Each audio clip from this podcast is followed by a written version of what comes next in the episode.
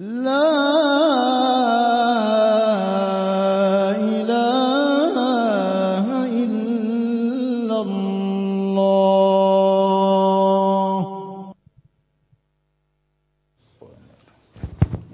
يا الله إن الحمد لله نحمده ونستعينه ونستغفره ونعوذ بالله من شرور أنفسنا وسيئات أعمالنا. من يهدي الله فلا مضل له ومن يضلل فلا هادي له. وأشهد أن لا إله إلا الله وحده لا شريك له ولا نظير له ولا مثال له. وأشهد أن سيدنا ونبينا وحبيبنا محمدا عبد الله ورسوله وصفوته من خلقه وأمينه على وحيه. صلى الله تعالى عليه وعلى آله الطيبين الطاهرين وصحابته المباركين الميامين وأتباعهم بإحسان إلى يوم الدين وسلم تسليما كثيرا. عباد الله أوصيكم ونفسي الخاطئة بتقوى الله العظيم ولزوم طاعته. كما أحذركم وأحذر نفسي من عصيانه سبحانه ومخالفة أمره. لقوله جل من قائل من عمل صالحا فلنفسه ومن أساء فعليها وما ربك بظلام للعبيد. ثم أما بعد أيها الإخوة المسلمون الأحباب أيتها الأخوات المسلمات الفاضلات يقول الله سبحانه وتعالى في كتابه العظيم بعد أن أعوذ بالله من الشيطان الرجيم. بسم الله الرحمن الرحيم. أم حسبتم أن تدخلوا الجنة ولما يعلم الله الذين جاهدوا منكم ويعلم ولما يعلم الله الذين جاهدوا منكم ويعلم الصابرين. ولقد كنتم تمنون الموت من قبل أن تلقوه. فقد رأيتموه وأنتم تنظرون.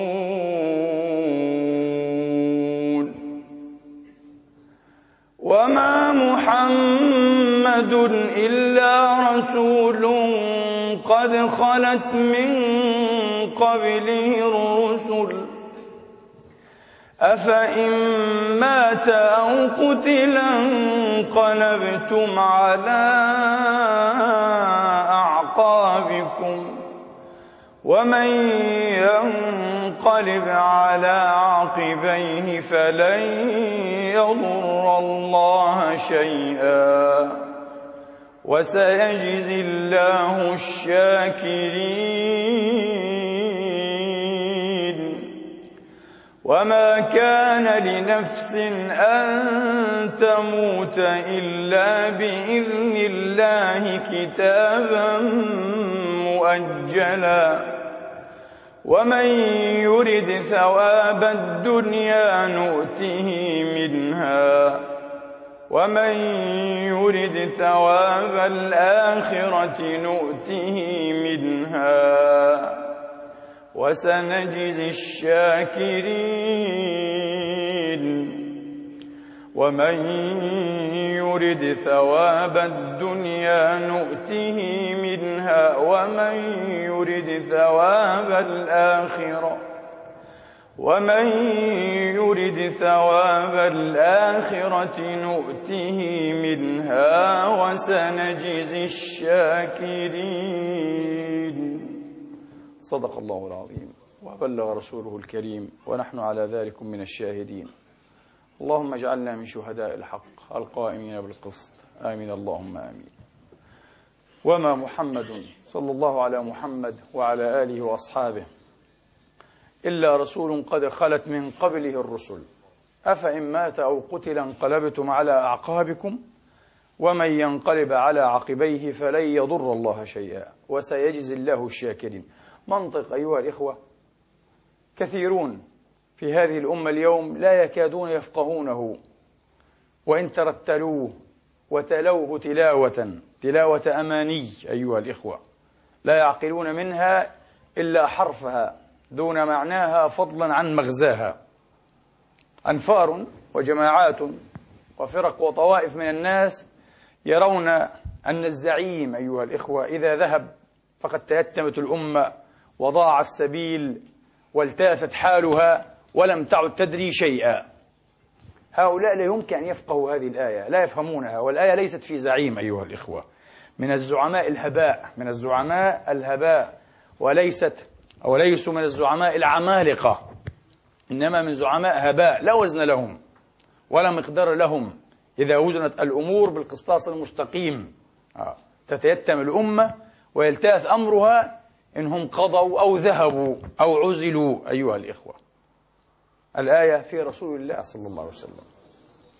لم يكن زعيم شعب بل زعيم أمة في كل مراحل تاريخها وأدواره زعيم هذه الأمة إلى يوم القيامة إلى أن يرث الله الأرض ومن عليها. وهو نبي بشير ونذير أيها الإخوة. يوحى إليه بالحق المبين والهدي المستقيم. ومع ذلك الله تبارك وتعالى يقول لو ذهب وقضى صلوات الله عليه فالأمر مستمسك. يمكن للأمة أن تتابع أيها الإخوة لأن المنهج محفوظ والأمة راشدة والأمة واعية. ليست أمة من القصر والصبيان والعيال أمة فيها رجالها وفيها نساؤها وفيها كبراؤها. وفيها ذو شوراها وأصحاب حكمتها ورؤاها. وهكذا هي الأمم الراشدة. هكذا هي الأمم الراشدة. الأمم الواعية أيها الإخوة. لكن القضية أيها الإخوة والأخوات أن الجاهلية عادت من جديد وتسللت واقتعدت مكانتها في ضمائر المسلمين وفي عقولهم في تراثهم في فقههم في علمهم في موازينهم. والمؤسف أنها لم تتسلل أو لم تعد متسللة من باب العامة والطغام إنما أيضا من باب الفقه والعلم. وعلى أيدي العلماء والفقهاء والأئمة عادة الجاهلية. ومن أقبح صور وفصول هذه الجاهلية الفصل الذي نعته مولانا الشيخ محمد الغزالي المعاصر. طيب الله ثراه وأعلى في الجنة مقامه. ولم يسبق إلى هذا النعت الموفق تماما بالوثنية السياسية. الوثنية السياسية. ليست الوثنية فقط أيها الإخوة في قضايا الاعتقاد الصرف بما يختص بوحدانية الله وفرادته سبحانه وتعالى إنما أيضا في باب السياسة حين يؤله بشر من لحم ودم أو يوشك الناس أن يؤلهوه. على كل حال اعترفوا أم لم يعترفوا بأنهم يؤلهونه هم يعاملونه ويطلبون معاملته على أنه إله. يحيي ويميت يرفع ويخفض يمنح ويمنع أيها الإخوة. لا حساب عليه ولا مساءلة له ولا نقد له. فعل ما فعل. هذا إله. هذا إله. هؤلاء يتخوضون. بل يتورطون أيها الإخوة في وثنية حقيقية دون أن يدروا. فلا بد أن يشعروا. لا بد أن يشعروا. لا بد أن يقال لهم استيقظوا أنتم تعبدون هذا الرجل من دون الله تبارك وتعالى. الله عز وجل في سورة براءة قال في حق أهل الكتاب اتخذوا أحبارهم ورهبانهم أربابا. من دون الله. والمسيح ابن مريم. اتخذوا المسيح واتخذوا الأحبار والرهبان أربابا. والمسيح ابن مريم. يروي الإمام الترمذي في سننه عن عدي بن حاتم الطائي رضي الله عنه. يقول دخلت على رسول الله صلى الله عليه وآله وأصحابه وسلم وهو يتلو هذه الآية من سورة براءة اتخذوا أحبارهم ورهبانهم أربابا. يتلوها. في رواية عند غير الترمذي بزيادة. فقلت يا رسول الله عدي استفصل أو اعترض حتى. اعترض مستفصلا. يا رسول الله إنهم لم يعبدوهم إنهم لم يتخذوهم أربابا. قال أنا لست مع هذا الحرف. آه، لست مع هذا الحرف. طبعا عدي لم يكن إيه مسلما. ساعة إذ. بالدليل أنه قال أه؟ والصليب معلق في عنقي. دخلت والصليب معلق في عنقي. فلما راه النبي قال يا عدي اطرح عنك هذا الوثن. يا عدي اطرح عنك هذا الوثن. لذلك اعترض. كان المستفصل إنهم لم يتخذوهم أربابا. لا يوجد أيها الإخوة حبر يعبد من دون الله. لا يوجد قس ولا حتى بابا يعبد من دون الله. هذا غير صحيح. لم يحدث هذا التاريخ. وإلى اليوم لم يحدث. والقرآن يقول أربابا. اتخذوهم أربابا. فانظروا إلى القرآن وإلى فهم من أنزل على قلبه القرآن. صلى الله عليه وآله يقول عليه الصلاة وأفضل السلام أليسوا قد أحلوا لهم الحرام فاستحلوه وحرموا عليهم الحلال فحرموا فتلك عبادتهم. وهذا اللفظ ليس عند الترمذي. فتلك عبادتهم عند غيره كالبيهقي رحمة الله تعالى عليه؟ هذه هي العبادة. إذا هناك أيها الإخوة مرجعية. هناك مرجعية للأمة. لا يتخطاها أحد. لا عالم ولا حبر ولا إمام ولا عامة. ممنوع. فإن تخطاها أحد أيها الإخوة كان ربا. ومن استمع إليه ودان بحكمه فقد اتخذه ربا من دون الله. والعياذ بالله. هذا القرآن ليس كما نظن. بعض المسلمين اليوم يظن أنه بمجرد قوله لا إله إلا الله نجا وانتهى كل شيء. يفعل ما يفعل ويعتقد ما يعتقد. يقول أنا من أهل لا إله إلا الله. يا أخي أهل لا كل ما يحل يمكن أن ينقض. أليس كذلك؟ وإلا ما معنى أن يؤمر الرسول ومن معه؟ بأن يستقيموا كما أمروا. فاستقم كما أمرت ومن تاب معك. لم يخيره. وهذه الآية شيبت رسول الله. شيبتني هود وأخواتها. فأما الموضع الذي شيبه وعجل بالشيب إلى رأسه يغزوه صلى الله عليه وآله وأصحابه فهي هذه الآية. فاستقم لم يقل كما أحببت كما هويت كما اشتهيت كما شئت كما استطعت وقدرت. إنما قال فاستقم كما أمرت. ومن تاب معك؟ ولا تطغوا. الخروج عن حد الاستقامة. طغيان. انتبهوا. عبادة الشيطان طغيان. عبادة كل طاغوت وهو ما عبد من دون الله فهو طاغوت. لذلك الحاكم قد يكون طاغوتا. القاضي قد يكون طاغوتا. المفكر والفيلسوف والمصلح قد يكون طاغوتا. كل ما يطاع ويعبد من دون الله وعلى الضد من أمر الله وشرعه فهو طاغوت. والذين يعبدونه إنما يعبدون طاغوتا. قال ولا تطغوا إنه بما تعملون بصير. ولا تطغوا طغيان. مجاوزة الحد طغيان. هذا الحد ملزم للجميع. بما فيهم أيها الإخوة وبما فيهم رسول الله صلى الله عليه وسلم. وهو المأمور. استقم كما أمرت ومن تاب معك. ما في ما في استثناءات أيها الإخوة. عجب لأمر هذه الأمة والله. عجب لا يقضى منه العجب. جاءوا ليس إلى الرسول إنما إلى أنفار من أصحابه. بعضهم غير وبدل وأساء إلى الإسلام وأهله وشرعه ومنهجه ورؤيته. فقالوا صحابة لا نتكلم فيهم ولا نسمح بالكلام فيهم والكلام فيهم علامة الزندقة وعلامة النفاق وعلامة الكذب. ويا للعجب أيها الإخوة يا للعجب العاجب وكأن القرآن لم يتحدث عن منافقين في الصحابة وكأن الرسول لم يقرر أن في أصحابه منافقين. النفاق أن تتكلم في أي صحابي حتى لو كان منافقا. حتى لو كان طاغيا أيها الإخوة طغى عن أمر الله وغير وبدل حتى لو حذرنا منه رسول الله. حذرنا منه مرة وعشر مرات. وقال احذروا من هؤلاء سيبدلون ديني.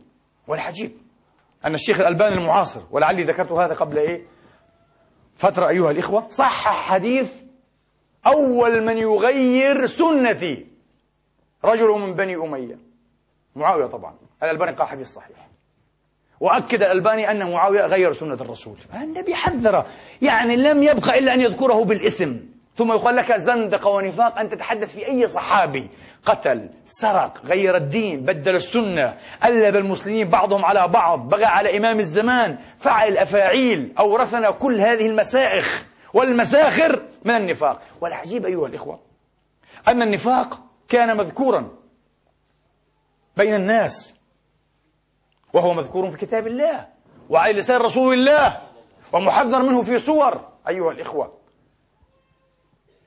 أيام أيام كان رسول صلى الله عليه وسلم بين ظهراني الناس.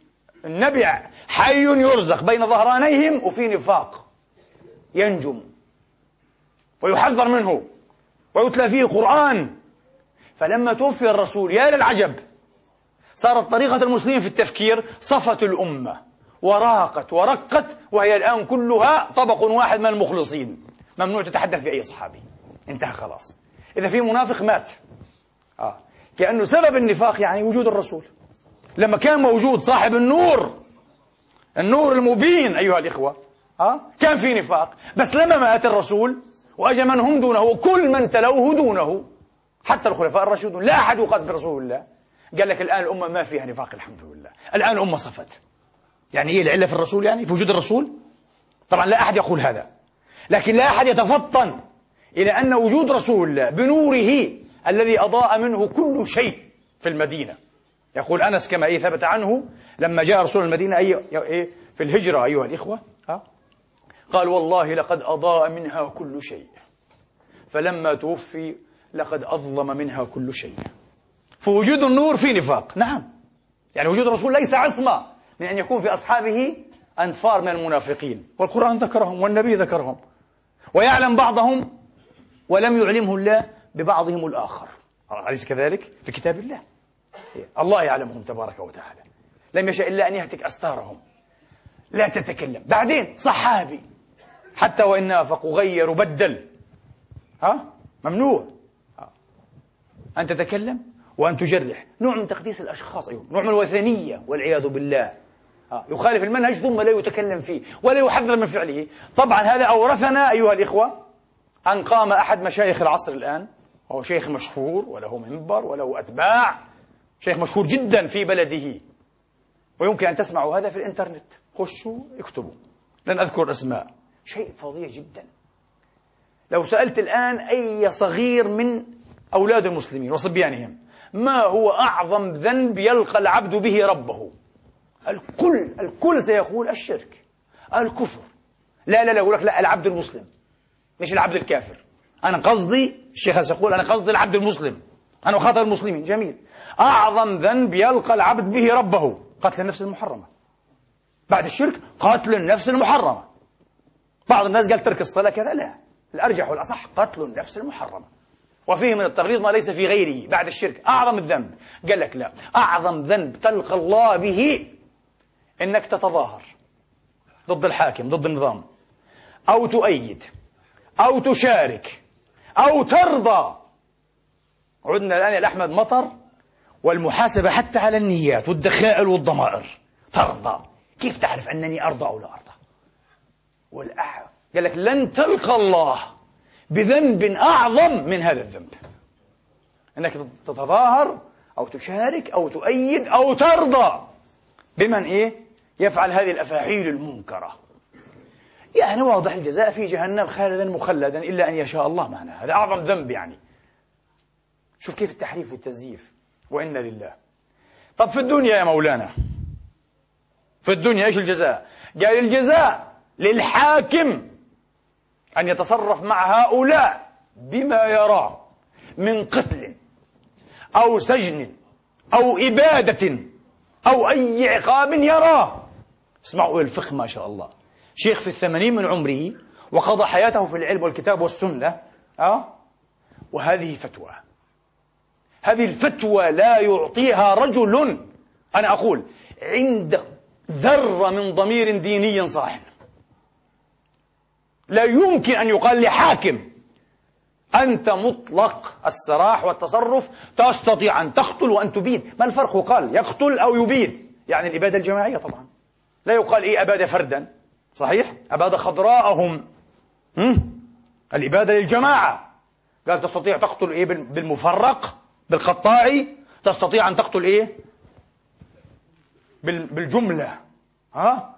قتلا مجموعيا. قتل إبادة سجن. لا أدري. لعله قال سجن. لا يفرق بين الاسم والمصدر. لا أدري. آه أنا أقول السجن. آه قال والسجن و و وأي شيء يراه الحاكم. من يقول هذا؟ من يقول هذا؟ ترون لو سمع هذا أحد الغربيين الآن ماذا سيقول؟ سيقول هذا دينكم؟ حق للعالم أن يكفر به وبكم. هذا دينكم؟ هذا شرعكم؟ هذا مفتيكم؟ هذا فقيهكم؟ هذا نصكم؟ مش معقول يا أخي. طب وين الفصل بين السلطات؟ المفروض أن يتولى هذا القضاء. أليس كذلك؟ مش السلطة التنفيذية. لا هو يعطي السلطة التنفيذية ولي الأمر الحاكم السلطان الحاكم له أن يفعل ما يشاء. أين هذا الشيخ؟ عفى الله عنا وعنه. ما الإمام الشعبي عامر بن شراحيل الشعبي. وعلى فكرة الشعبي كان من ضمن الذين خرجوا في ثورة ابن الأشعث. خرج. أي. حامل السيف على ظلم بني أمية الخارجين. الشعبي عامر بن شراحيل إمام الكوفة متوفى سنة 200 للهجرة. الشعبي حين بلغه أن الزهري حدث الوليد بن عبد الملك بحديث إنه لا ينبغي للإمام للحاكم يعني أن يناشد ولا يكذب ولا يدعى باسمه. قال لعنة الله على الزهري. إن كان حدثه بهذا. لعنة الله على الزهري. قال الزهري محمد بن مسلم بن شهاب الزهري. إمام المحدثين في عصره. قال إن حدث الظالم بهذا فلعنة الله عليه. هذا هو أين هم؟ من سفيان الثوري الذي قال له المنصور. يا سفيان يا شيخ لما لا تأتينا؟ أنت لا تأتي لا تأتي إلا بالقوة.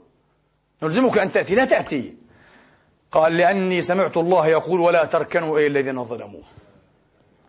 دخولي عليك ركون إليك. لا أدخل عليك. لا أريد أن أزورك ولا أن أراك. ولا تركنوا إلى الذين ظلموا فتمسكم النار. نعود أيها الإخوة نعود إلى رسول الله وإلى أوثان الأمة. الحمد لله. الرسول لم يستحل وثنا لا في حياته ولا بعد وفاته. وهو الداعي المستجاب الدعوة. اللهم لا تجعل قبري وثنا يعبد. لم يعبد لا في حياته ولا بعد موته. إلى اليوم بفضل الله تبارك وتعالى. آه. آه. الرسول مأمور بالاستقامة كما أمر. انتبهوا الرسول كيف الحاكم؟ كيف الخليفة؟ كيف العالم؟ ابن غصب عن أبوه بده يكون مأمور بالاستقامة يا أخي. إيش هو يعني هذا الحاكم؟ إيه أعظم من الرسول؟ مش معقول يا أخي. لك لا. هذا له. لكي لا أبدو مبالغا أو منفعلا. أحب أن أقول لكم ادخلوا على الشبكة العنكبوتية. وكم فيها من نسيج العنكبوت أيها الإخوة. كان فيها من نسيج العنكبوت والعناكب. ذكورا وإناثا. إيه. سوف ترون. من يرم أنفه. يسخط ويغضب ويحزن لمجرد مطالبة أن يحاكم الرئيس الفلاني مثلا. كيف يقول؟ أنتم جماعة تائهون أنتم جماعة كذا وكذا. رئيس هذا زعيم الأمة زعيمكم هذا قال. نعم ظلم وتعدى. يكتبون هذا؟ يعرفون أنه ظلم. وقتل وانتهك الأعراض وصلب الحريات وترك الدنيا خرائب ومسائخ. ترك البلد خرائب. قال آه لكن يبقى الزعيم. ما معنى هذا؟ هناك منطق ثاو خلف هذا الكلام. هذا الرجل وثني والله الذي لا إله إلا هو أنا أعلم برسول الله. أقسم بالله هذا الرجل عنده وثنية. كل من ينطلق عنده وثنية واضح أنه وثنية يقول لك زعيم هذا زعيم. كيف يحاكم؟ كيف يمكن أن ينسلك في الدماغ أن الزعيم به ويحاكم؟ ها؟ ولا يوقف في التخشيب بعدين في الأول وبعدين يحطه في السجن. ممكن يعدم كمان. مصيبة! حاكم! يعني إيه حاكم؟ حاكم لا يقتص منه. لا يحاسب لا يسأل. يعني إله. انظروا. أنا أستطيع أن أفهم أيها الإخوة أن للحكم وللسلطة المطلقة سكرة توسوس لأصحابه لأصحاب الملك المطلق والسلطة المطلقة توسوس لهم بالتأله والتجبر بحيث يرون أماثل قومهم أقزاما ومن دونهم هباء. أستطيع أن أفهم هذا؟ متجبر يرى نفسه وين يعني؟ هو ما يشوفش ولا واحد في الأمة عنده في الشعب له قيمة. يرى يرى العمالقة في في أمته أقزاما. أما من دون العمالقة فلا يراهم إلا هباء هذا إن رآهم أصلا. لا وزن. السلطة السلطة المطلقة أفهم هذا. لكن لا أستطيع أن أفهم أن يأتي صعلوك من الصعاليك. الذين داسهم هذا الظالم أيها الإخوة بطغمته وزبانيته ولا يزال يدوسهم ويدوس على كرامتهم المادية والمعنوية. لكي يدافع عن تأله وتجبر هذا الحاكم. الله عز وجل يقول ألم تر إلى الذي حاج إبراهيم في ربه؟ في واحد يحج في الله؟ في واحد يخلى نفسه برب العالمين؟ إبراهيم يقول له ربي الذي يحمد. قال له أنا أحيي وأميت. ما أنا زي الله شيء شيء الفرق يعني؟ الله قال إيش السبب؟ هذا الرجل أيها الإخوة ها؟ حزب عنه العقل. ما في عنده عقل جن. هذا نمرود مجنون مثل كل مجانين الطواغيت في دنيا العرب وفي دنيا إيه المسلمين اليوم. وتقريبا لم يبقى من هؤلاء إلا في دنيا المسلمين. العالم كله بدأ يتحرر لكن ما زال لسه ما زال في ديار الإسلام أمثال هؤلاء المتجبرون المجانين منفلتون العقال. قال تعالى السبب أن آتاه الله الملك. يقرأ القرآن. أن آتاه الله الملك. ليش هو إيه؟ جاعل نفسه عيار من عيار الله أستغفر الله العظيم. وقدره من قدر الله ومقامه من مقام الله. متجبر متأله لأنه في عنده ملك الملك أسكره. ضيع له عيار عقله مش مصدق هو. خلاص. هو أذكى من كل أمته. هو أحكم من كل أمته. آه. شر ونقير من بلائه وجهاده إن جاهد أو أبلى انتبهوا وبعضهم لم يجاهد ولم يبلي شيئا. أليس كذلك؟ بعض هؤلاء الزعماء والله لم يطلق طلقة واحدة في سبيل وطنه. أجي هيك على الحكم. في ليلة مشؤومة امتد بها الظلام إلى اليوم. هذا شر ونخير مما قدم. يجعله أيها الإخوة يرى لنفسه مسوغية أن يذبح الشعب كله. لأني المناضل أنا المجاهد اللي قدمته سويت. يا أخي لا شكر الله سعيك ولا سعي أمثالك. يا أخي الناس ماتت وأولادها ماتت في سبيل الوطن كذا. ما واحد إيه أراد إيه؟ أن يستعبد عباد الله. ما يجي إنه إيه؟ في يوم من الأيام أطلق طلقة ولا ركب طيارة ولا إيه الكلام الفارغ؟ إيش الجنون هذه يا أخي؟ لكن السلطة المطلقة آه. كما قلت العجب ليس من هذا المجنون الذي آتاه الله الملك. أن آتاه الله الملك. كأنه بقول من أجل أن الله آتاه الملك جعل نفسه في مقام الله. صدق حاله أنه صار إله. إيه الله قتله ببعوضة. دخل في ذانه جننت ومات. شر ميتة. ببعوضة. شو أنت؟ بفيروس. الله يقتل أمة كاملة يقتل حتى الحضارة هذه كلها. بفيروس واحد لو شاء عز وجل. وبأحقر من فيروس. لكن المشكلة في هؤلاء الصحاليك المدوسين والذين يدافعون. آه، في حمية أيها الإخوة. في حمية من الحماس والصدق. بعضهم يبكي. رأينا بعض هؤلاء في التلفاز يبكون بكاء مرا زعيم قال. زعيم كيف يا كيف يتكلم في حقه يا أخي؟ كيف يعني يلجأ إلى العفو أنه يطلب العفو بطريقة حتى ما طلبهاش؟ ما فيش واحد فيهم طلب العفو. لكن بمعنى مش حترشح مش كذا. قال لك كيف تحطوه في الموقف هذا؟ الله أكبر يا أخي. يا وثن. أنت وثن. وتعبد وثنا. اسمعوا الآن الحديث. أبو سعيد الخدري يقول كان صلى الله عليه وسلم يقسم شيئا أتاه في يوم من الأيام. أجا شوية فلوس ذهب فضة. قعد وصار يقسم. ما يأخذ شيء النبي. النبي عاش ومات فقيرا قال لهم إني لا أصيب شيئا من مالكم هذا إلا الخمس والخمس فيكم مردود. خمسي وخمس أهل بيتي. أنا برجع لكم دائما. وهذا اللي حصل. وعاش فقيرا وأهل بيته فقراء. فاطمة عليه السلام عاشت كذلك. لم تفرح حتى بلباس واحد مثل سائر إيه؟ النساء أيها الإخوة. النبي قال لها لا نريد هذه الطيبات. نتركها لهم. نحن لنا الآخرة. لنا الآخرة! بالأمس كنت أحدث أحد إخواني في مجلس وبعض من يجلس الآن كان حاضرا. قلت له عجيب يا أخي. ترم أنوف أناس من أجل أن معاوية ينتقد مثلا. لكن لا ترم أنوفهم من أجل أن فاطمة تسب بنت محمد. قال لي أين هذا؟ قلت له شيخكم. شيخكم كتب هذا في كتابه. يقول فاطمة غضبت على أبي بكر من أجل فدك ثم أخذ يقرمط الكلام ويذهب ويعود إلى أن قال أيها الإخوة ها؟ بمعنى كلامه وضع فاطمة ومن يغضب لها فيهم مثل ممن قال الله فيهم فإن أعطوا منها رضوا وإن لم يعطوا منها إذا هم يسخطون. أقسم بالله. ولذلك هذا الشيخ رحمة الله عليه اتهمه نفر من عظماء علماء الأمة في عصره بالنفاق. قالوا هذا منافق. يقدح في علي وفي فاطمة. لماذا؟ تقدح في فاطمة يا أخي. اقدح في من أكل الأمة وأموال الأمة. ليس في بنت محمد عليهما السلام. فاطمة الزهراء البتول. الحقد هذا والنفوس المريضة يا أخي؟ شيء لا يصدق يا أخي. والله من يعلم أحيانا واحد يقول لك إيه أفضل ألا تعلم. تمرض تعتل. لا تصدق ما تقرأ وما تقع عليه عيناك. لكن هكذا في قلوب منكوسة. النبي يقسم يقسم شيئا أتاه. يقول أبو سعيد الخدري فجاء أحدهم فأكب علي رجل طماح هيك.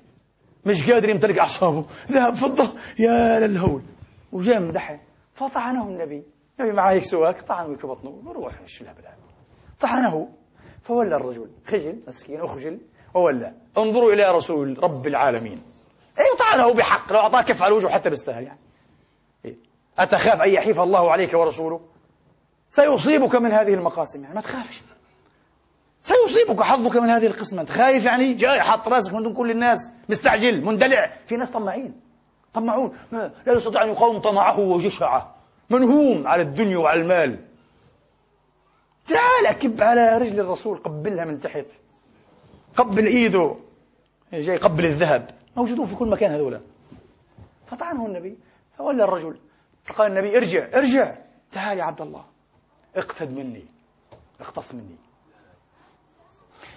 النبي لم يرى انتبهوا حتى نفهم الدين الصحيح يا أخي ضاع الدين.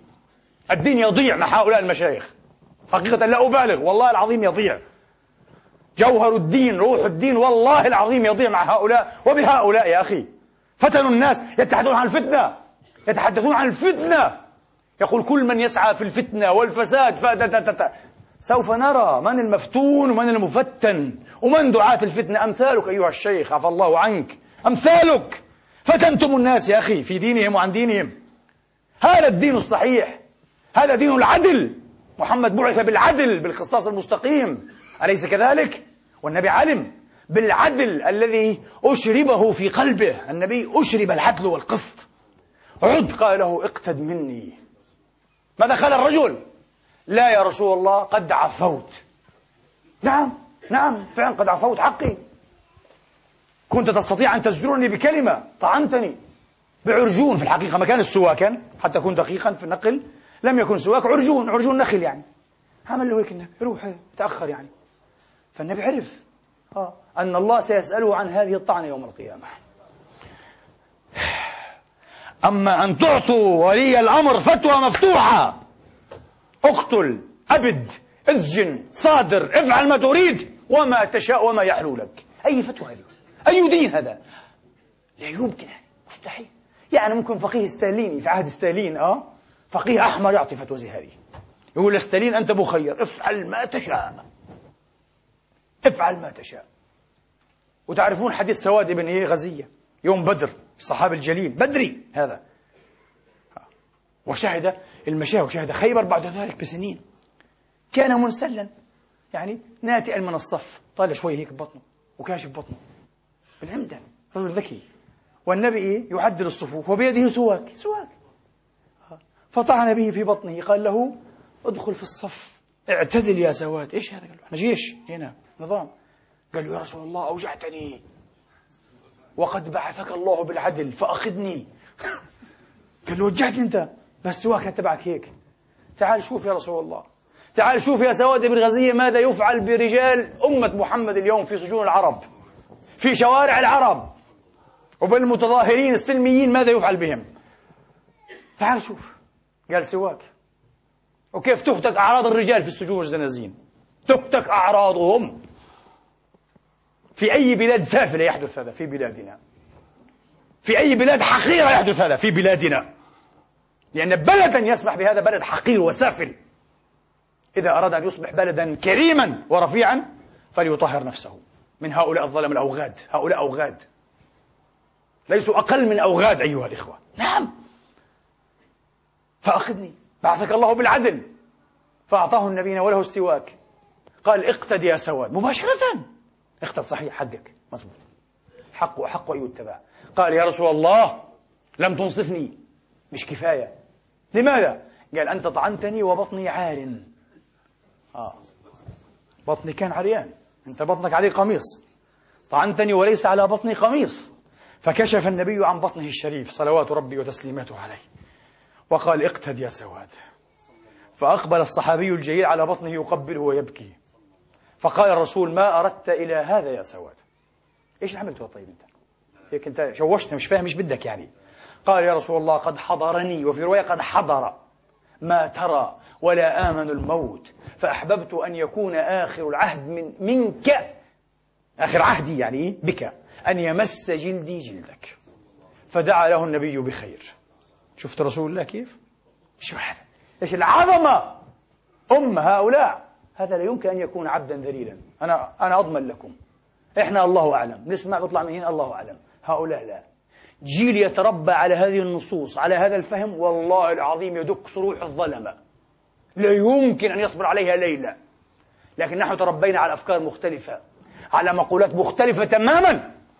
لقد زيفنا واستنزفنا وضحك علينا وغسل أدمغتنا أمثال هؤلاء الشيوخ من عباد الأوثان عباد السلاطين.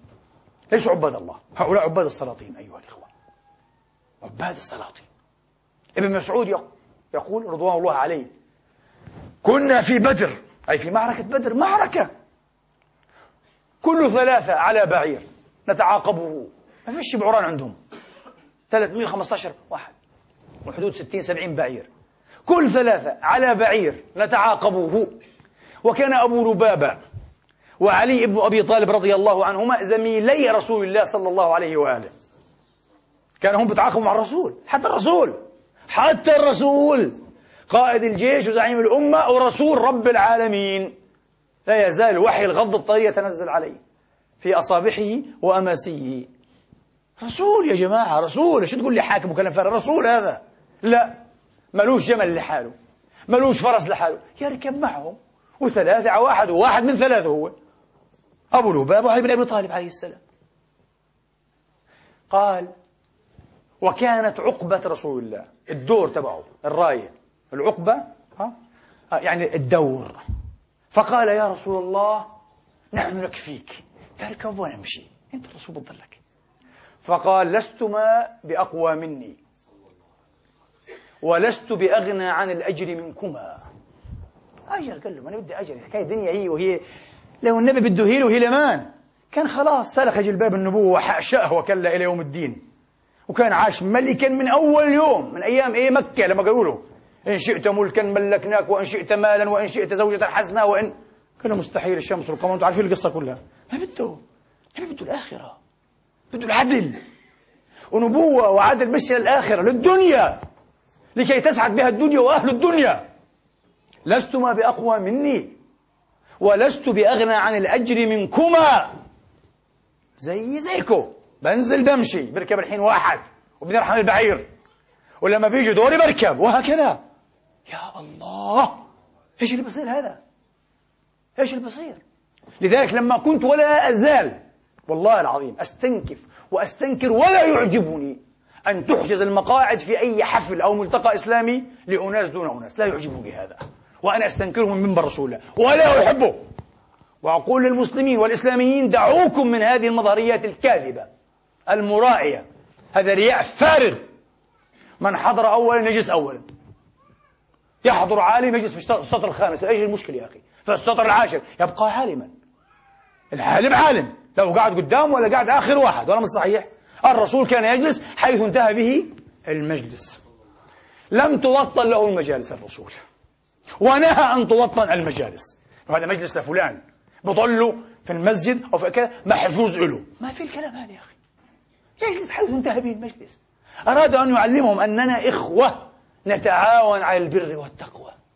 ونتناكر في الإثم والعدوان ونتناهى. هذا الرسول.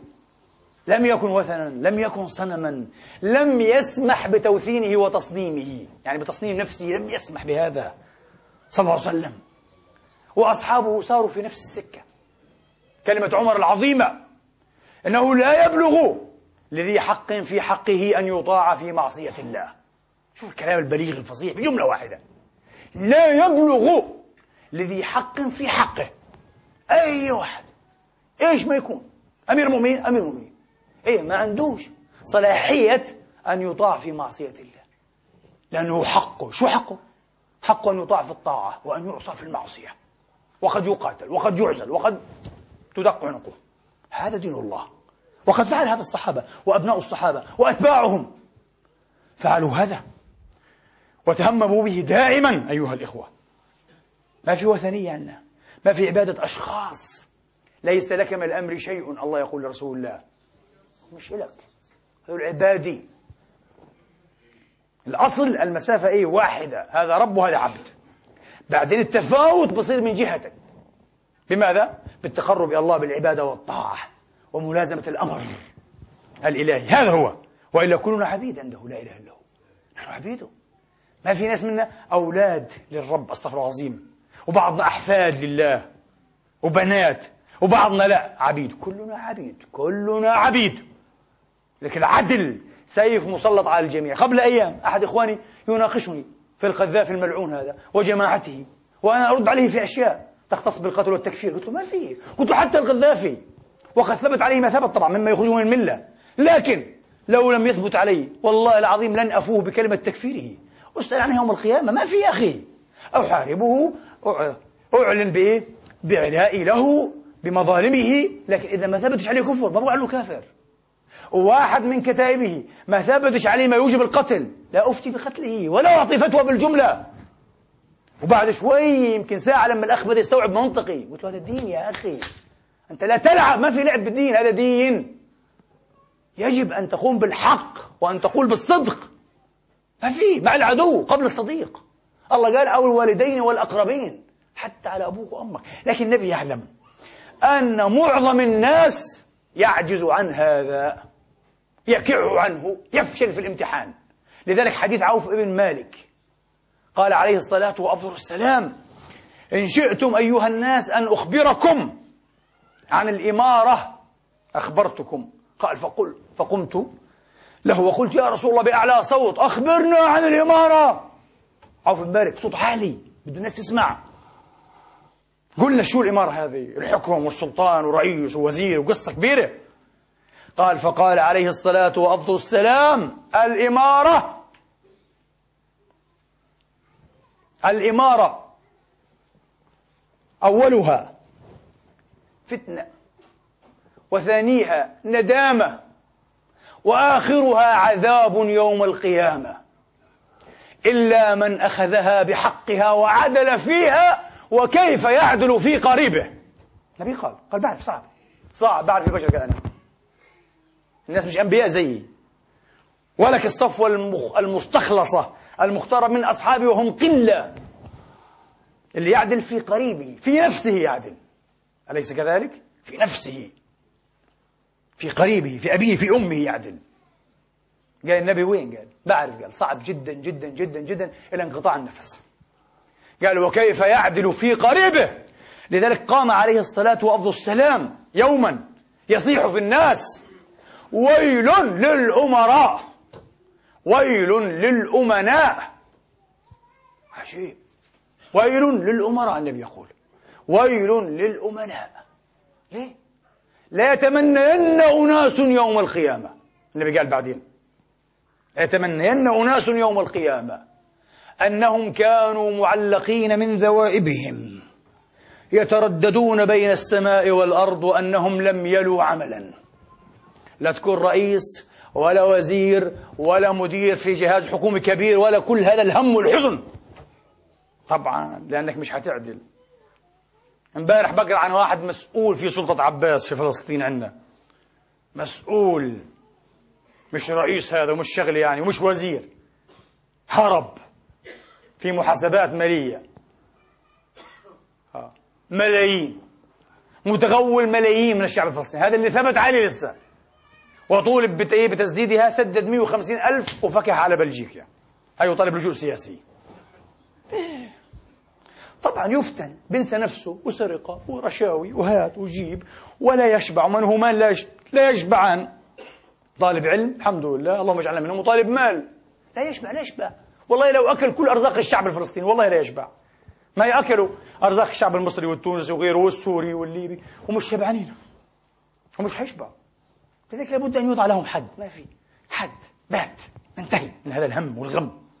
أيها الإخوة. لكن للأسف وثنية انتبهوا وثنية آه. كيف؟ كيف يحاكم زعيم قتل الناس؟ كيف لا يحاكم يا أخي؟ السؤال كيف لا يحاكم وقتل الناس؟ قال لك آه ما هو المخفي المخفي الثاوي في الكلام إنه هذا زعيم يعني. يعني يحيي ويميت انتبهوا. الزعيم من حقه أن يحيي وأن يميت. من حقه. فإذا أحيا بعض الناس تركهم وقتل بعض الناس فهو زعيم. بالبقلو يعني بسوغله يجوز له لماذا لا؟ لو كان هذا الرجل وثني يفكر بعقلية محمدية قرآنية إسلامية لو تربى على الإسلام هذا وسمع شيء بينفعه في المساجد من يومه كان قال لك لا يا حبيبي والله لو ثبت أن الزعيم قتل فردا واحدا ظلما يحكم به يقتل عادي. جيبوا علقوا المشنقة أنا قلت لإخواني ولناس من الإخوة السوريين محترمين يعني وعندهم موقف هكذا. قلت لهم يا إخواني لو هذا الرئيس السوري بشار الأسد في أول أيام إيه؟ الهبة هذه والثورة في درعا. إيه؟ ابن خالته هذا. يقال أنا مش محقق ومش إيه؟ خبير لكن سمعت من ناس موثوقين. قالوا ابن خالته هذا قتل ثلاثة بيديه بالمسدس. شوف. وأعطى أوامر بالقتل فقتل الباقي. في أول يوم إيه يأتي الرئيس السوري اللي بده الإصلاح وواعد بالإصلاح ممتاز. هنا في قانون وفي ضمير وفي شريعة وفي أعراف. مباشرة تجرى له محاكمة. ثبت عليه ذلك في منتصف إيه البلد. يعدم. بدنا نشرفه كعسكري نعدمه رصاصة في رأسه. إعدام عسكري. كان سكت الناس. كان حسوا إنه إيه هذا الرئيس السوري عنده نية صادقة بده يغير. أليس كذلك؟ هذا النظام الآن في سوريا لم يجعل لا أقول أنا مثلا لست متعاطفا معه ونحن وضحت موقفي ولا يمكن وحاشا لله أن ألقى الله وأنا متعاطف مع هكذا نظام. قلت هذا نظام متغول وفاسد ومفسد ودموي ومخيف. ولكن التوقيت لم يعجبني. التوقيت سوريا مأمور بها متآمر بها وعليها أيها الإخوة. وطبعا حدوث فوضى الغيب لا يعلمه إلا الله. المرجح أنه حيصير في فوضى. لماذا؟ ما في أحزاب يا إخواني في سوريا. ممنوع. فيش إلا حزب واحد وحيد متألع حزب البحث العربي الاشتراكي. أمة عربية واحدة ذات رسالة خالدة. ما في غيره. ما في أحزاب ما في هياكل حقيقية للعمل. فطبعا طبيعي طبيعي أكثر من طبيعي. إذا زال النظام فجأة بأي ضربة ها أيها الإخوة أنه يصير في فوضى. أنا متأكد أي مترجح لدي حتى. بتواضع مترجح ستدخل قوى هي التي تتآمر بهذا البلد من سنين. واضح تآمرها يا أخي. واضح تماما جهارا عيانا بيانا. ستحدث فوضى ليست في صالح سوريا ولا في صالح الشعب السوري ولا في صالح المنطقة. وكثيرون قالوا بهذا. لكن صدقوني الذين قالوا هذا الكلام تعاطفا مع الشعب ومع الأمة السورية ومع الأمة العربية وليس مع النظام المجرم الفاسد المفسد الدموي. كل يوم يثبت أنه دموي يا إخواني بألف برهان جديد. يعني يجعل في الأخير هؤلاء أصحاب هذا المنطق لا يجدون إيه؟ سببا لأن يسكتوا مزيد سكوت. ما ما خلاص. يعني احترقت كل الأوراق. ماذا نفعل يا أخي؟ قال عتبوا على عزمي بشارة.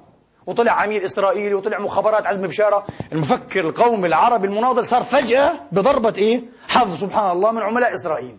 لأنه انتقد النظام السوري بطريقة أكثر إيه؟ وضوحا. لماذا؟ انت لأنه يرى الدماء تسيل يا أخواني. كل يوم. كل يوم. الجمعة الماضية أكثر من مئة. مجزرة مجزرة حقيقية يا أخوان. لماذا؟ قال لك مندسون. آه هؤلاء المندسون لا يندسون إلا إيه؟ على البنايات الحكومية. وبعدين هؤلاء المندسون تستطيع أنت أو أنا أن نصورهم بالكاميرات بالآيفون. نستطيع. بس الأمن السوري اللي حط الناس كلها تحت الأرض مش قادر يصورهم. صح؟ ومش قادر يقنصهم. ومش قادر يأخذهم ويحقق معاهم ويعرف مين بعثهم. مش قادر. انتبهوا انت قادر تصورهم وتبثهم على التلفزيون. ويصورون دائما صح؟ وعلى البنايات الحكومية. يا أخي الناس لها عقل. لا تستطيعون إيه أن تستغبوا الناس إلى آخر الطريق. قد يكون هناك بعض المندسين أنا لا أكذب هذا. بعض المندسين لكن محال أن يكون كل من قتل ويقتل برصاص المندسين فقط. لا برصاص الأمن. برصاص قوات الأمن يقتل الناس يا أخي. لماذا؟ أعطى الناس فرصة أن تعبر عما إيه؟ قال لك هؤلاء مغرر بهم. مغرر بهم. طب تعال غرر بنا هنا نحن في النفس الآن. تعال غرر بنا لكي نخرج نموت. مستحيل. والله العظيم. الناس لا تخرج لكي تموت وتفقد عيونها وأطرافها وأعضاءها وأودائها وأولادها وأحبابها وأصدقائها إلا من أمر أكبر من أن يعبر عنه. طبعا. عليك أنت هنا. إنسان موجود في النمسا في أوروبا مستريح ماكل شارب مكفول ومكفي. أنك تفكر بهذه العقلية وقل ما الذي يدفع الناس إلى أن يخرجوا الموت الأحمر الزؤام؟ يفقدوا حياتهم وأطرافهم. ما الذي يدفعهم؟ أكيد إحساس بالقهر فظيع. لا يحتمل. قهر وظلم. تشوف بعض الأوثان أيها الإخوة أكلوا كل شيء وتسيدوا على البلاد والعباد. أوثان ممسوخون أقزام. تاريخهم تاريخ فساد وإفساد وما زالوا مستمرين ويعطون الأمر بذبح الناس. إلى متى؟ ونفس الشيء يحدث في اليمن وفي غير محال. يعني خلاص فتنة يصير فيها الحليم حيران. العاقبة لا يعلمها إلا الله. أنا أقول لكم بهالطريقة هذه العاقبة لا يعلمها إلا الله. لكن أقدر سأقول كلمة من ضميري أقدر. وقلت لإخواني في الأيام السابقة إن كان هناك مؤامرة وغير بعيد أن تكون مؤامرة بس مش مؤامرة تخرج الناس ليتظاهروا لا لا لا. مؤامرة بالحكم هذا لكي يذهب لأهداف طبعا استعمارية كبرى معروف. لكن مش تقول لي مؤامرة أخرجت الناس لكي يتظاهروا. هذا كذب كلام فارغ هذا. لا, لا يسوق على أي إنسان أبله. آه. إن كان هناك مؤامرة بالبلد وبنظام البلد أكثر من أنجح ويعمل على إنجاح هذه المؤامرة النظام نفسه. أنا سأقول شهادة لله. أنت أيها النظام والله العظيم المجرم رقم واحد في حق نفسك وفي حق البلد ومستقبله. بطريقة تعاطيك مع ثورة الشعب السلمية. هذا هو. كان يمكن أن تتعاطى معها بطريقة حضارية بطريقة تنم عن الصدق في الإصلاح. وعلى فكرة قضية الإصلاح والإصلاح الموعود برضو بدي أحكي ضميري. شهادة لله أيها الإخوة. عقلي لا يتسع أيها الإخوة لاحتمال هذه الخلطة المتنافرة. غير الممكنة. طغيان مع إصلاح. ممكن؟ مش معقول. ما في. طغيان دكتاتورية شمولية ظلم حقيقي مع إصلاح. صعب جدا. الإصلاح لا يكون إلا من الصالحين. انتبهوا. من المستحيل أن الفاسد المفسد يعمل على إصلاح حقيقي. صحيح؟ حتى الفساد الأخلاقي مش الفساد المالي. وطبعا هو الفساد المالي سبب كبير هو. آه. سبب عظيم رئيس في الفساد الأخلاقي. الفساد المالي طبعا. المالي كما قلت قبل هيك. يجعل الناس يقتلون. يجعل الناس يعتدون. يجعل الناس يغتصبون. يجعل الناس يشحدون. هذا أكبر فساد ومذلة. يجعل الناس يزنون. ويقومون حتى في زنا المحارم. لأنه ما في فلوس. لا تأكل لا تشرب لا تتعلم لا تتزوج. تحمل كل شيء خلاص. تستحيل إلى إيه؟ إنسان ضائع وتائه. علشان جماعة تتمتع بالمليارات التي لا تعرف عدها ولا حصيها. مليارات. موزعة في بنوك العالم حول الأرض في القارات الأربعة أيها الإخوة. هذا هو الفساد النبي قال صنفان من أمتي لم أرهما لا يريحون ريح الجنة ولا حيشموها. هم من أمة محمد يعني ممكن بيصلوا. ممكن بيصلوا هذول عادي. قال مش حيشموا لن يشموا رائحة الجنة. رجال في الأول بدأ بالنساء قال نساء كاسيات عاريات مائلات مميلات. تمشي وبتتمايل وبتمايلها تميل قلب إيه؟ الرجل المفتون الضعيف أو الشاب العزب. بميل تحدث له فتنة في قلبه. هي مائلات مميلات. رؤوسهن كأسنمة البخت. هذا الكوافير والفزور هذا عاملة هيك رأس يعني. شو شايف ما كانش هذا أيام الرسول. ما في امرأة عاملة كوافير هيك كذا في رأسها. النبي شاف سبحان الله. يرى الغيب ها قدرة الله ولطفه. قال هذا الصنف الأول ما في. الفساد الأخلاقي. والصنف الثاني أيها الإخوة الصنف الثاني ورجال معهم سياط كأذناب البقر يضربون بها أو يهبون بها ظهور الناس. ليه يا رسول الله جمعت بين الاثنين؟ واضح. هذه متلازمة سندروم. متلازمة الفساد السياسي والفساد الأخلاقي. الطغيان السياسي أه؟ والفساد الأخلاقي والاجتماعي. متلازمة سندروم ما فيه تقول له طغيان واستبداد وظلم وديكتاتورية وإصلاح. مش حيصير. ما صارش ومش حيصير. عشان أكون واضح وأخ... أبرر ذمتي وخلاص انتهينا. نسأل الله النجاة لسوريا. والله العظيم والعصمة لسوريا والكرامة والعزة بما يراه وحده لا إله إلا هو. لأن الذي أقدره ولم أفضي إليكم أنه بعدين في آخر السنة هذه في السنة الجاية ها يعتدى على سوريا. أنا بقول لك الشعب السوري سيقول والله إحنا رافعين حتى حجرة ليأتنا الغرب والشرق وكل شياطين الدنيا لن ندافع عن هكذا نظام. سيرون أن العدوان على النظام وعلى قوته ليست عليه هو عدوان على سوريا كلها بس الشعب خلاص يكون طفح الكيل طفح كيله. سوف يخذلونه. هذا النظام مخذول. والله العظيم ما واحد من الشعب السوري رافع قش يدافع عنه. أنا أقول هذا النظام. إذا كان بعض رجالي هنا بوصلوا الكلام بسمعوا أنا أقول هذا الكلام. وحنشوف. أسأل الله ألا تصدق الأيام كلامي. يعني لا أتمنى لسوريا أبدا. سوريا عندها وزن. انتبهوا. وزن كبير جدا جدا في المنطقة كلها. الوزن الأكبر لمصر. ثم لسوريا. هي هيك عبر التاريخ معروف الجناحين هذول. آه العراق راح من زمان ضيعوا العراق مسكين. راح. أقوى جيش عربي راح. ضل سوريا ومصر. آه مكر كبير. فممكن وأنا بقول يمكن هذا سر اللهجة الناعمة واللغة إيه اللي فيها نوع من اللطف أنتم شايفين؟ لا يشددون اللهجة عليهم صح؟ على النظام السوري في قتل الناس. هذا الغرب الفظيع هذا الغرب الفظيع جدا والذكي جدا. ليه؟ كأنه يقول للنظام عندك ضوء أخضر لسه ما زال عندك أمعن في قتل الناس؟ بورطوه بزيادة والله العظيم. بورطوه بزيادة. علشان بكرة لما نضربك عاد ولا تضربك إسرائيل شعب يقول لك إلى ستين داهية. خلصنا منك إسرائيل أرحم منك. بتكون مصيبة طبعا. انتبهوا. فنسأل الله اللطف. لا أعرف كيف تتصرف هذه النظم وإيش العقليات. طبعا وضح لدي حقيقة أن هذه النظم صدقوني والله لا عندهم مستشارون أذكياء. ولا ناس أذكياء. من أول خطاب للرئيس الدكتور بشار الأسد علمت أنهم كذلك للأسف. وأنا صعقت. ما يطلعش رئيس شعبه يموت يضحك لي. عمل ليها مهرجان إعادة الإمام مش معقول. أنا لم أصدق. تضحك. وعلى فكرة ها هي المقالات تتوالى. واشنطن بوست وغيرها. قال لك ارتكب أخطاء فظيعة. في رأسها يضحك. نعم. كل الناس الفهمانة تضحك أنت يا أخي؟ شعبك يموت. الدماء تسيل تضحك. بدل أن تشنق وتقتل ترمي بالرصاص. كل من تورط في قتل الشعب البريء. الشعب الذي خرج بالحق يطالب بالحق. خروجه بالحق ويطالب بالحق. تقتلونه لماذا يا أخي؟ اسمعوا اسمعوا لهذا الشعب. رأينا الرجل الذي قتل ابنه. بخلص حقوق بتفوق قتل أمامه. ومنعوا إسعافه حتى نزف. ها؟ يعني نزف دمه ومات. وبعدين ضرب الأب نفسه على ظهره ضربا مبرحا ثم اعتقل اثنان من أولاده. شوف ما شاء الله العدالة وين يعني؟ قتلنا لك ابنك وضربناك يمكن كسرنا ظهرك واخذنا اثنين من اولادك كمان. وحنبهدل بيك. إيش الظلم هذه يا أخي؟ إيش الفحشاء هذه؟ فحش الظلم. ظلم فاحش ظلم فاحش بعدين يقول لك حرام وفتنة. وعلى ذكر الفتنه حتى لا يفوتني. ما هي الفتنة؟ هؤلاء المشايخ يحرمون الفتنة. قال لك الفتنة حرام. الفتنة ملعونة. ها من ايقظها وهي نائمة. فتنة فتنة. تضحكوا علينا. زي البغي البغاء البغاء. إيش البغي؟ إيش الفتنة؟ ما عدنا نفهم. في نوع من الغموض في تحديد المصطلحات معاني المصطلحات. حنستفتي الإمام الشوكاني وهو يعني عالم متأخر في القرن الثالث عشر الهجري. قال لك الفتنة تتحدد بمعنيين بحالتين. احفظوا هذا. وجادلوا به علميا. إيش الفتنة؟ الفتنة بتؤدي لسفك الدماء وقتل الناس ونهب الأموال وهتك الأعراض. هذه فتنة. متى؟ قال لك الفتنة تكون حين يقتتل فريقان. لا يدرى لا يدرى. المحق منهما من المبطل. لا يعرف. مش عارفين.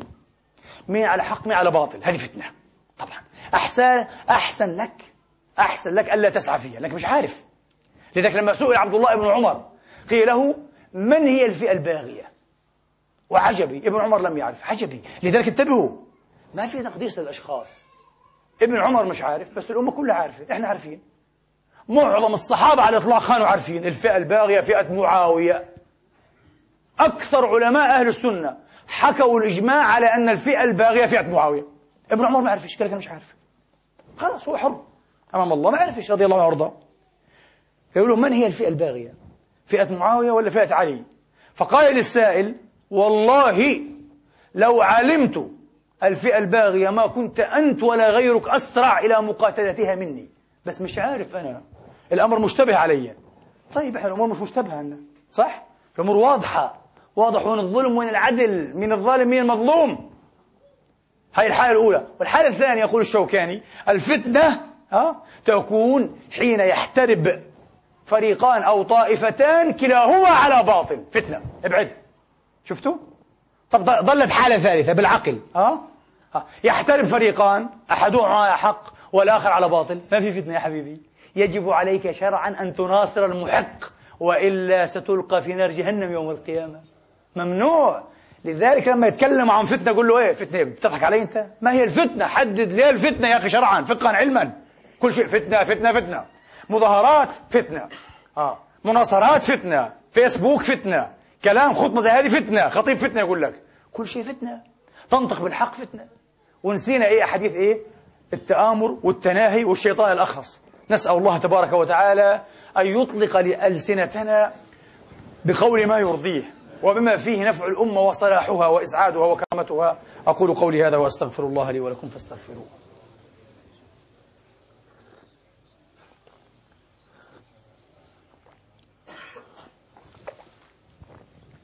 الحمد لله.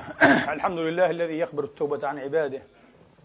ويعفو عن السيئات ويعلم ما تفعلون ويستجيب الذين آمنوا وعملوا الصالحات ويزيدهم من فضله والكافرون لهم عذاب شديد وأشهد أن لا إله إلا الله وحده لا شريك له وأشهد أن محمدا عبده ورسوله صلى الله تعالى عليه وعلى آله وأصحابه وسلم تسليما كثيرا. أما بعد إخواني وأخواتي ويمكن القول إن هذا النظام في سوريا لا تزال له فرصة إلى اليوم أيضا. ممكن 5% الله أعلم. له فرصة أيها الإخوة. هذه الفرصة أن يري الناس حقيقة صدق نيته إن كان لديه شيء من صدق في محاسبة كل من قتل الناس وسفك دمهم. ولن يفعلوا في أحد سيدة في الحقيقة. كتبت وهي من حزب البعث العربي الاشتراكي. هي عضو عامل فاعل نشط. كتبت في جريدة تشرين تأمر وتناشد الرئيس الدكتور بشار أن يحاسب الذين يتورطوا في قتل الناس فصلت من عملها مباشرة. شيخ ما الذي يحصل؟ أي فرصة؟ لم تتركوا فرصة لأحد. لم تتركوا حتى فرصة نقول لهذا النظام لأحد أي أن يتعاطف أن يتعاطف مع الحكمة مع التهدئة. لا ندري ماذا نقول. لسنا نؤلب. إلى الآن لسنا نؤلب ولسنا نحرض لكن ندعو الله تبارك وتعالى. والله العظيم. ندعو الله تبارك وتعالى أن يقينا ويقي سوريا. الفتن ما ظهر منها وما بطن. وأن يختار لها ولشعبها الحر العربي الكريم المسلم. أيها الإخوة ومسيحية أيضا بكل طوائفه أن يختار لهم ما فيه خيره في الدنيا والآخرة. اللهم آمين. اللهم جنبنا الفتن ما ظهر منها وما بطن واجعلنا هداة مهتدين غير ضالين ولا مضلين سلما لأوليائك وعدوا لأعدائك. نحب بحبك من أحبك ونعادي بعداوتك من خالفك. اللهم هذا الدعاء ومنك الإجابة وهذا الجهد وعليك التكلان وبك المستغاث وأنت المستعان. ولا حول ولا قوة إلا بك. انصر الإسلام وأعز المسلمين وأعلي بفضلك كلمتي الحق والدين. اللهم من أراد بالإسلام وبأهله خيرا فكله خير معين. ومن أراد به وبهم شرا فخذه أخذ عزيز مقتدر فإنه لا يعجزك. إلهنا ومولانا رب العالمين. عباد الله إن الله يأمر بالعدل والإحسان وإيتاء ذي القربى. وينهى عن الفحشاء والمنكر والبغي يعظكم لعلكم تذكرون وأقم الصلاة.